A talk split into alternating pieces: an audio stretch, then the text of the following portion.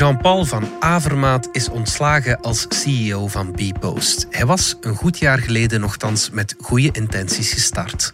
Ik uh, ben op deze uitdaging ingegaan omdat Bpost een prachtig bedrijf is, hè, met een zeer goede basis, uh, heel veel medewerkers, uh, mooie uitdagingen en mooie opportuniteiten.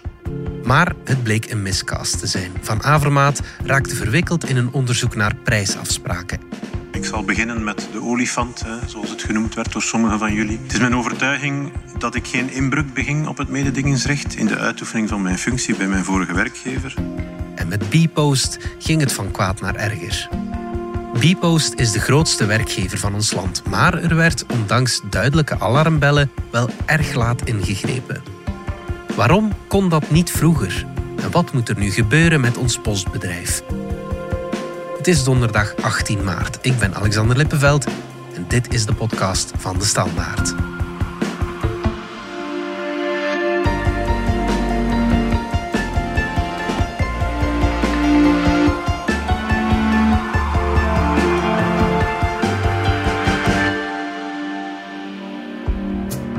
Het is dan toch gebeurd. Jean-Paul van Avermaat, de CEO van Bpost, is bedankt voor bewezen diensten. Pascal den Doven van onze economieredactie. Ja, als ik heel eerlijk mag zijn, eindelijk is hij de laan uitgestuurd. Het was dringend tijd om in te grijpen. Dit bedrijf dreigde in een totale impasse te hm. komen met kwalitatieve mensen die het bedrijf verlieten, steeds meer hoogopgeleide kaderleden die opstapten, een dysfunctionele raad van bestuur, verwarring aan de top snel veranderde omgeving waarin het opereerde, waar, waar niet werd op ingespeeld. Dit was echt op weg om van dit bedrijf een zorgenkindje te maken en het team in een catastrofe te eindigen. En nogthans zat die Van Avermaat nog maar een jaar in het zadel. Hoe is hij daar dan geraakt als, ja, bon, als je het op zo'n korte tijd zo uh, een chaos achterlaat? Ja, op zich was dat weer een typisch Belgisch verhaal. Hè? Men moest absoluut een Nederlandstalige CEO vinden om het taalevenwicht te respecteren. Mhm. En je zat daar met een 70-jarige voorzitter van de Raad van Bestuur, François Cornelis. Mhm. Daar nog gezet door CDNH, voor wie dat zijn laatste grote mandaat was. Mhm. En die man wilde absoluut zijn laatste grote mandaat vrijwaren en behouden. Ja. En die ook voorzitter was van het benoemingscomité. Bij Bpost had dus eigenlijk als hoofdbekommernis, dat moet hier een Nederlandstalige zijn, want ik wil hier blijven zitten. Ja. En dan ja, vernauw je natuurlijk al de zoekkansen. Mhm. En, en nu was het zo dat je eigenlijk een aantal goede Franstalige kandidaten had, maar die kwamen niet in aanmerking. En aan de Nederlandstalige kant was de spoeling nogal dun. Uh, mm. Daar zaten wel een paar mensen tussen. Maar merkwaardig genoeg, ja, bleek daar plotseling de naam van Avermaat opgekomen te zijn, wat initieel niet het geval was, heb ik me laten vertellen. Oké. Het is niet helemaal duidelijk hoe hij daar opgekomen is. Je weet dat Van Avermaat altijd al hengelde naar een overheidsjob. Ja, ik ben uh, actief geweest in servicediensten, hè, altijd in uh, cateringdiensten en daarna ook in uh, securitydiensten, maar eigenlijk altijd in de servicesector, hè, niet zozeer in productiesector. Ook Bipost is een serviceverlenend bedrijf met een maatschappelijke rol. Dat was ook in mijn vorig bedrijf zo, G4S. in security is het ook een stuk maatschappelijke rol en heb je een belangrijke rol in de maatschappij, wat Bipost absoluut ook heeft in Hans dit land. Bipost leek voor hem zijn grote kans. Hè? Mhm dat is ook, uh, zoals we weten, realiteit geworden. Het is een man die vooral met zijn carrière bezig is.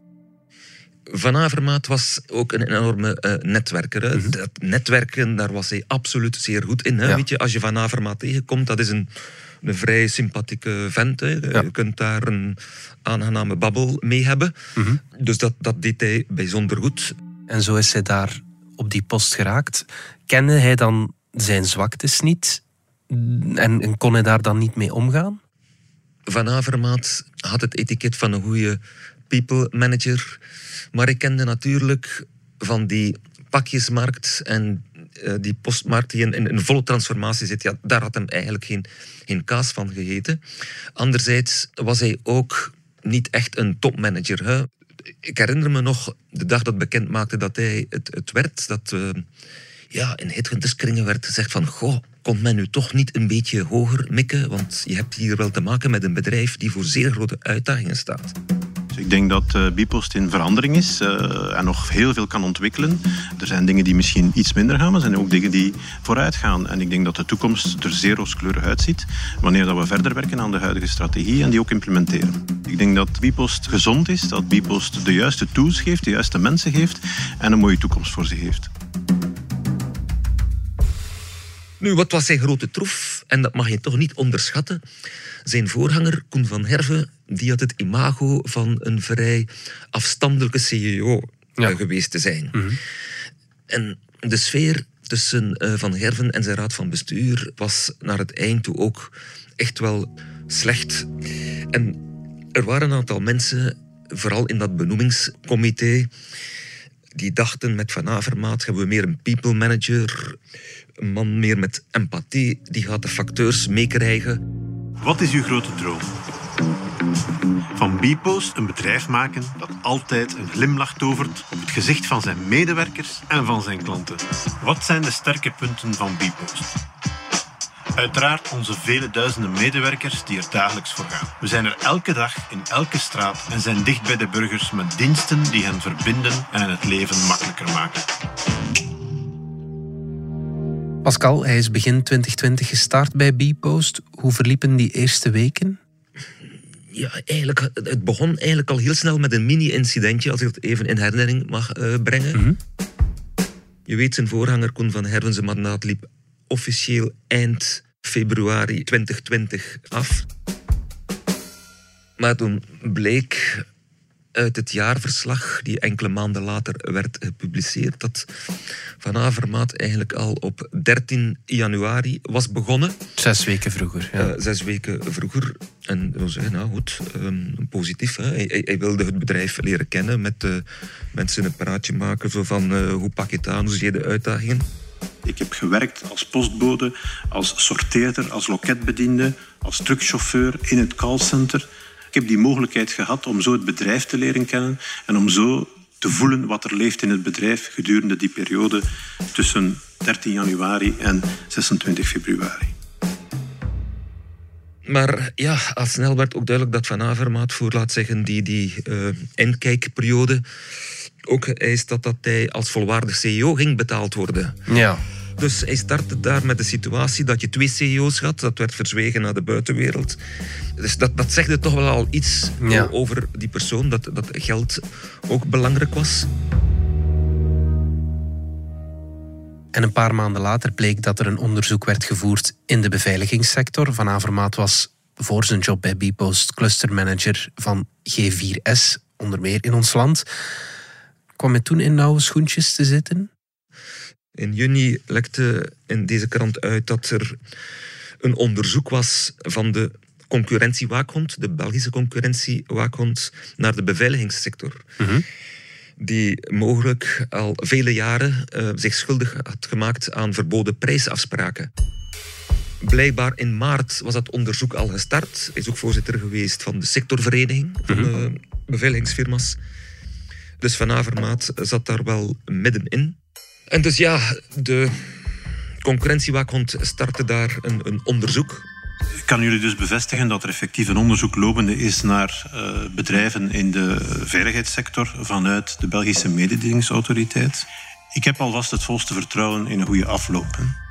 Er waren ook tekenen dat dat onderzoek niet zomaar uit de lucht kwam vallen, maar dat mensen in de sector hadden gesproken, mm feiten hadden opgebiecht in ruil voor strafvermindering. Eh. Mhm. en dat bracht een dynamiek op gang, ja. waarbij dat je afvroeg, ja, hij zit pas in het zadel. Ja. Al heel snel nadat hij daar zijn intrede had gemaakt. En wat gaat dat uh, betekenen voor die CEO? Kan hij zich nog wel focussen op die uitdagingen waar het bedrijf voor staat? Je zag ook parallel dat in die beveiligingssector, mhm. daar zag je echt dat er één voor één um, kopstukken aan de deur werden gezet. Ja. De ene die eigenlijk de dans ontsprong was Van Avermaat. En dat leidde wel tot bezorgdheid bij veel mensen van... ja, vroeg of laat wordt hij bij de kraag gevat. Hè? Ja. En wat betekent dat dan voor Bpost? Dat heeft uiteindelijk heel lang geduurd voordat iets betekend heeft voor Bpost en voor zijn positie daar. Men onderschatte duidelijk de mogelijke impact van dat kartelonderzoek. Maar je zat daar ook met de Van Avermaat, die het zelf ook minimaliseerde en die zegt, oh, dat is gewoon een sectoronderzoekske. Uh, dat heeft eigenlijk weinig met mij te maken. Wat manifest niet waar was. Hè. Maar Ja, goed, nee, ja. eh, hij is een paar keer betrapt geworden van, laat zeggen, de feiten wel bijzonder voluntaristisch te interpreteren. Waarin zag je dat dan, zijn voluntaristische interpretaties? Hij, minimaliseerde, eh, zoals gezegd, dat onderzoek. En hij verzweeg ook wel belangrijke elementen. De Raad van Bestuur heeft opnieuw eigenlijk in de standaard moeten lezen dat er nog een tweede belangrijk onderzoek was, met Ja. name in, in Amerika. De Department of Justice, bijgestaan door de FBI, die ook een onderzoek deed naar die security sector. En waarom was dat? Omdat een aantal contracten ook voor Amerikaanse entiteiten waren afgesloten. Ehm, bijvoorbeeld eh, de beveiliging van de Amerikaanse ambassade in Brussel. En dus dat interesseerde die Amerikanen ook. Ja, dat maakt het natuurlijk wel moeilijk voor Van Avermaat. Want de reis naar Amerika, dat kon ook in zijn functie als CEO van Bpost niet ontbreken. Dat was wel belangrijk. Wel, als je daar inderdaad door de Department of Justice eh, in het vizier wordt genomen, dan is het duidelijk dat men u ook wil op een gegeven moment wellicht ondervragen. Ja, En dus was de grote vraag meteen, ja, staat hij nu op de lijst van Interpol? Wat zou betekenen dat zodra hij zou reizen naar een land met een uitwisselingsakkoord met de States, eh, pakweg bijvoorbeeld Spanje, ja. dat hij daar zou kunnen opgepakt worden om ter beschikking gesteld te worden van de Amerikanen voor een onderzoek. Dus dat was meteen af een van de vragen van, ja, kan hij nog wel reizen voor Bpost die zoveel internationale activiteiten heeft en dan in het bijzonder in de States, Ja. hè, waar ze een bedrijf hebben, Radial, die e-commerce diensten verstrekt, waar ze 700 miljoen euro voor hadden betaald. Oké. En een bedrijf dat aandacht vroeg en goed was ja, voor een vierde van, van de omzet van Dat is niet min. Ja, dan moet je daar af en toe wel eens naartoe kunnen, Ja, natuurlijk. want het was ook een bedrijf met grote uitdagingen. Het was duidelijk, het punt van zorg kan, kan Van Avermaat eigenlijk nog wel functioneren. Maar ook, ook daar ja, draaide hij eigenlijk wat rond de pot. Over dat reizen, hè. ik wil daarover zeggen dat voor zover daar een twijfel zou je over bestaan, eh, wil ik melden dat ik in staat en bereid ben om de nodige reizen te doen voor het uitoefenen van mijn functie. Er ontstond dus zo een soort juridisch steekspelletje tussen Bpost en zijn CEO. Met brieven heen en weer, juridische stappen. Ja, dat was een verziekte sfeer. Ja, dat is toch compleet onhoudbaar.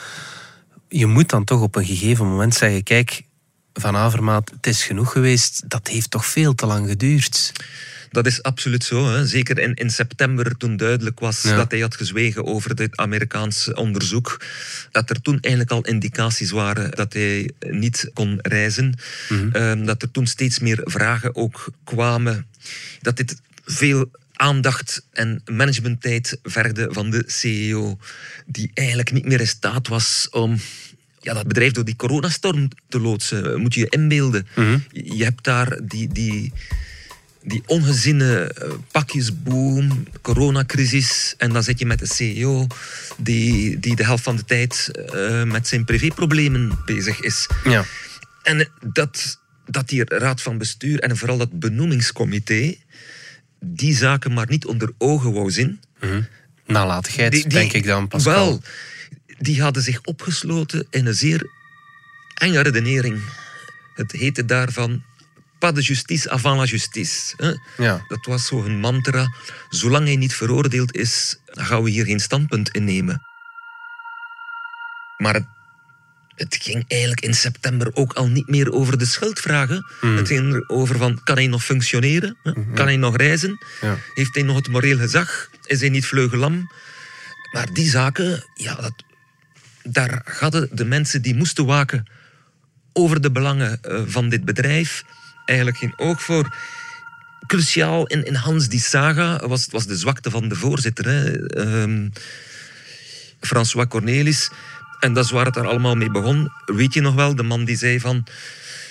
Het kan mij eigenlijk niet schelen wie het wordt, als het maar een Vlaming is Ja. die beseft ook heel goed, ja, als ik hem hier nu laat gaan, Mm. Wat gebeurt dan met mijn postje? Je voelde dat dat gewoon ook meespeelde.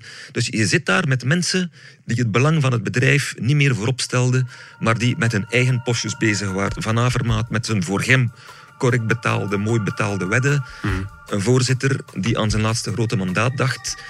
Een aantal personen in dat benoemingscomité die daar iemand hadden gezet en blijkbaar niet aan een kritische zelfanalyse konden doen. Een totaal ja, surrealistische sfeer die maar bleef duren. Ja. En die duidelijk al minstens in september tot een ontknoping had moeten leiden. Ja.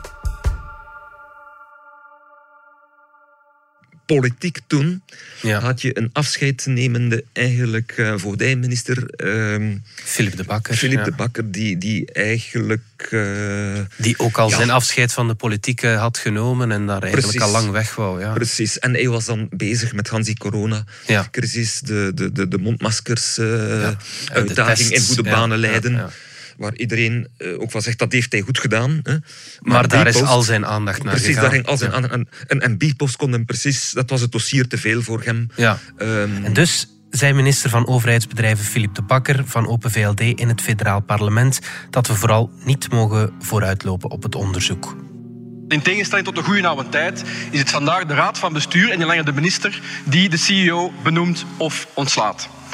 En de Raad van Bestuur is van mening dat men niet mag vooruitlopen op de uitkomst van de procedures van zowel de Belgische mededingingsautoriteit als van het Amerikaanse DOJ. Met betrekking tot de mogelijke kartelinbreuken en ook de mogelijke betrokkenheid van de heer Van Avermaat daarbij.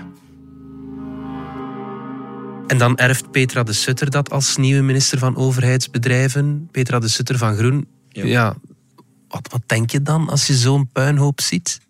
eigenlijk moet je toegeven dat de Zutter dat niet zo slecht heeft gedaan als je weet dat het voor haar een totaal nieuw uh, dossier was. Mhm. En zij, denk ik, dat ze dat dossier fair wou aanpakken. Ze heeft zich goed geïnformeerd. Is vrij snel in de pen gekropen om eigenlijk lijnen uit te zetten. Haar grote bekommernis was natuurlijk van Bpost is een belangrijk overheidsbedrijf. Daar werken heel veel mensen, mm. zo'n 36.000. Het is belangrijk dat dit bedrijf goed gerund wordt. Het komt elke dag bij uh, iedereen aan huis. Ja. Het is een van de meest zichtbare overheidsbedrijven samen met de NMBS. Ja. Zou eigenlijk een voorbeeldbedrijf kunnen zijn qua goede dienstverlening. En dat was het vroeger ook. Um, ja. Is het ooit geweest? Het was ooit de ster, uh, de topper op de beurs. Ja. En dus Petra de Zutter had daar duidelijk een bekommernis om de integriteit van dit bedrijf, het belang van dit bedrijf. En die keek veel minder naar, denk ik, individuele postjes. Hè. Ja. Gaandeweg heeft zij, ja, is ze meer brieven en maar vooral ook brieven gaan sturen waarin ze toch wel wat meer de puntjes op de i begon te zetten. En wat was dan haar kantelpunt? De boodschap, wat een kantelpunt dan was, is van... Je hebt daar een voorzitter die telkens zegt van... Tout va bien, madame la marquise. Mhm. En op het terrein zie je en lees je in de kranten dat er steeds meer mensen toppers vertrekken bij Bpost, dat er een malaise is, dat de nummer twee daar blijkbaar half is buitengewerkt dat het eh, senior management, de hogere leidinggevende kaderleden, dat daar al een derde van weg is in een jaar tijd. En dat de ehm, bedrijfsresultaten tegenvallen terwijl andere pakjesbedrijven hoge toppen scheren na die coronacrisis. En dat dat bij Bpost uh, blijkbaar niet lukte, waardoor je een enorme kloof kreeg mhm. tussen Bpost en die andere bedrijven belangrijk element was ook ehm, dat Van Avermaat het blijkbaar ook al niet meer uitgelegd kreeg tegenover de analisten en de financiële markten. Je had steeds meer stakeholders die aan die man begonnen te twijfelen. Ja, en dan kreeg je toch wel plotseling een dynamiek van... Ja, wat is dat daar? Het crasht op de beurs. Ik het niet uitgelegd aan analisten. Er is leegloop aan de top. Het is zelfs zo ver gekomen dat Bpost op de beurs minder waard is geworden dan PostNL. Ja. Dat was toch dat bedrijf die we in 2016 gingen overnemen toen ja. Bpost nog drie keer zoveel waard was. Uh, dan PostNL. En op die manier uh, een trotse Benelux-groep gingen creëren. Je zat met een bedrijf ja, die blijkbaar in een negatieve spiraal zat. Ja. En, en voor de Zutter, maar ik denk ook voor Alexander de Croo, die ook nog voogdijminister is geweest, Ja. was het duidelijk dat moest ingegrepen worden dat dit niet kon blijven duren. Die laatste jaren, Pascal, sinds die mislukte overname van PostNL, dat heeft ons land miljarden gekost. Hè? Een kantelpunt eh, was eigenlijk, ehm, ik denk zeven jaar geleden, Ja. ehm, toen PS-kopstuk Paul Magnet oordeelde dat ehm, Johnny Thijs moest inleveren op zijn wedden. Die wonder-CEO die alles... eh, wat, die Wel, wonder-CEO. Ja, Th- Thijs had toch wel iets neergezet. Hè. Hij had dit bedrijf klaargestoomd eh, voor de beursgang. Ja. Had er eigenlijk het eh, efficiëntste postbedrijf toen eh, in Europa eh, van gemaakt. Met enorme eh, winstmarges. Ik ben vandaag fier een biposter te zijn. Het is immers niet aan elk bedrijf gegeven om de bel te laten rinkelen op Euronext. Bipost is erin geslaagd en dat maakt, dat moet ons allemaal gelukkig en trots maken. Three, two, one. Thijs ja, eh, is een no-nonsense figuur die, die eigenlijk wel weet wat er moet gebeuren en consequent zo'n plan uitvoert. Hij had ook een sterk managementteam. Hè. Hij had zich ook omringd met, met goede mensen. En die van B-Post echt een succesvol bedrijf maakte op de beurs. Kwam dat bedrijf in de Bel 20, in Ja. de sterrenindex van de 20 grootste aandelen terecht. Oké. Was op een bepaald moment 6 miljard euro waard. En was de grootste en Thijs, werkgever ja, van ons land. Die, ja. was natuurlijk goed betaald, net zoals ook de CEO van, ja, van zoveel. eh, voor een kwalitatieve manager, dat, dat heeft zijn prijs. Maar dan had je dan Magnet die zei van ja. Er moet hier in de wedden geknipt worden. De discussie over de overheidslonen, een beetje populistisch Ja. gevoerd. Hmm. Deze is wel, wel een trotse man. Eh, is opgestapt. De overheid heeft daar ja, dus enkele miljoenen in die loop van de jaren enkele miljoenen kunnen besparen aan, aan loon. Ja. Maar heeft ook wel enkele miljarden beurswaarde eh, verloren. Een stuk of vier. Ja. Dus misschien moet men daar toch ook eens over nadenken. Maar dat was dus een groot kantelpunt. Ja. Toen kreeg je Van Herven die ja, toch in heel grote schoenen moest stappen, waarvan hij zegt, ja, communicatief lag hij niet zo goed. Dus Van Herven die besefte wel, we moeten hier vooruit, we moeten overnames doen, de brievenpost staat onder druk, onze historische kernactiviteit smelt weg, we moeten hier iets nieuws creëren, of het wordt een sociale catastrofe. Dus die bekommernis was er wel. En eh, op die manier zijn we eigenlijk dan nog met een, een, volgende CEO die niet de garnituur of het eh, postuur had om al die uitdagingen aan te pakken, achtervolgd door zijn verleden, een zwakke raad van bestuur. Ja, eh, er was weinig dat goed zat hè, bij dat bedrijf. ja. En wat nu, Pascal? Wat nu met Bpost? Zeer goede vraag. Ehm, ik denk dat Bpost nu één van zijn twee problemen een begin van oplossing heeft gegeven. Na het vertrek van Van Avermaat. Dit gaat echt al minstens in september moeten gebeurd zijn. Dus eh, Maar die raad mensen van moeten bestuur, nadenken, ja, die- zit die- daar nog steeds. Hè? ja, het probleem van de Raad van Bestuur is niet opgelost.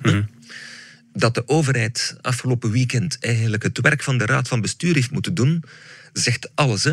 Ja. Of er was er nog altijd niks veranderd. Dus die hebben een brevet van onbekwaamheid met glans gehaald. Ja. Dat moet opgelost worden. Op 12 mei is een belangrijke kans voor de overheid. Dan is de aandeelhoudersvergadering.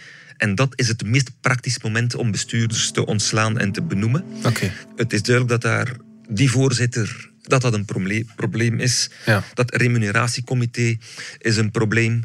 Eh, men had ook moeten nadenken, denk ik, over de verloning van die bestuurders. Eh, weet u, die hebben ongeveer een 40% van de vergoeding van de bestuurders van Proximus. Waardoor dat, ja, je toch niet over de handse lijn dezelfde kwaliteit eh, van Nee, bestuurders hebt. Ja. En dit bedrijf, ja, als grootste werkgever, zoals gezegd, 36.000 mensen, komt elke dag aan elke deur, is in die pakjesmarkt een strategische schakel, is voor de overheid op dit moment eigenlijk toch wel enige symboolwaarde. Hè? Ja. Men kan zich niet permitteren dat bedrijf verder te laten bekommeren. Ik denk dat de overheid zal moeten kiezen. Wat willen we met Bpost? Willen we dit op de beurs houden? Wat anderzijds de overheid zegt van nee, dit moet een bedrijf worden waar die eerste prioriteit geeft ten dienste staan van de maatschappij, waar winstgevendheid minder belangrijk is. Mhm. Maar men gaat hier moeten kiezen zoals het nu loopt, gaat het slecht aflopen. En, Mhm. en staan we nog maar aan het begin van de ellende die dit bedrijf gaat meemaken. Goed. Pascal den Doven, dankjewel. Dit was de podcast van De Standaard. Bedankt voor het luisteren. Wil je reageren? Dat kan via podcast.standaard.be. Alle credits vind je op standaard.be-podcast. Morgen zijn we opnieuw.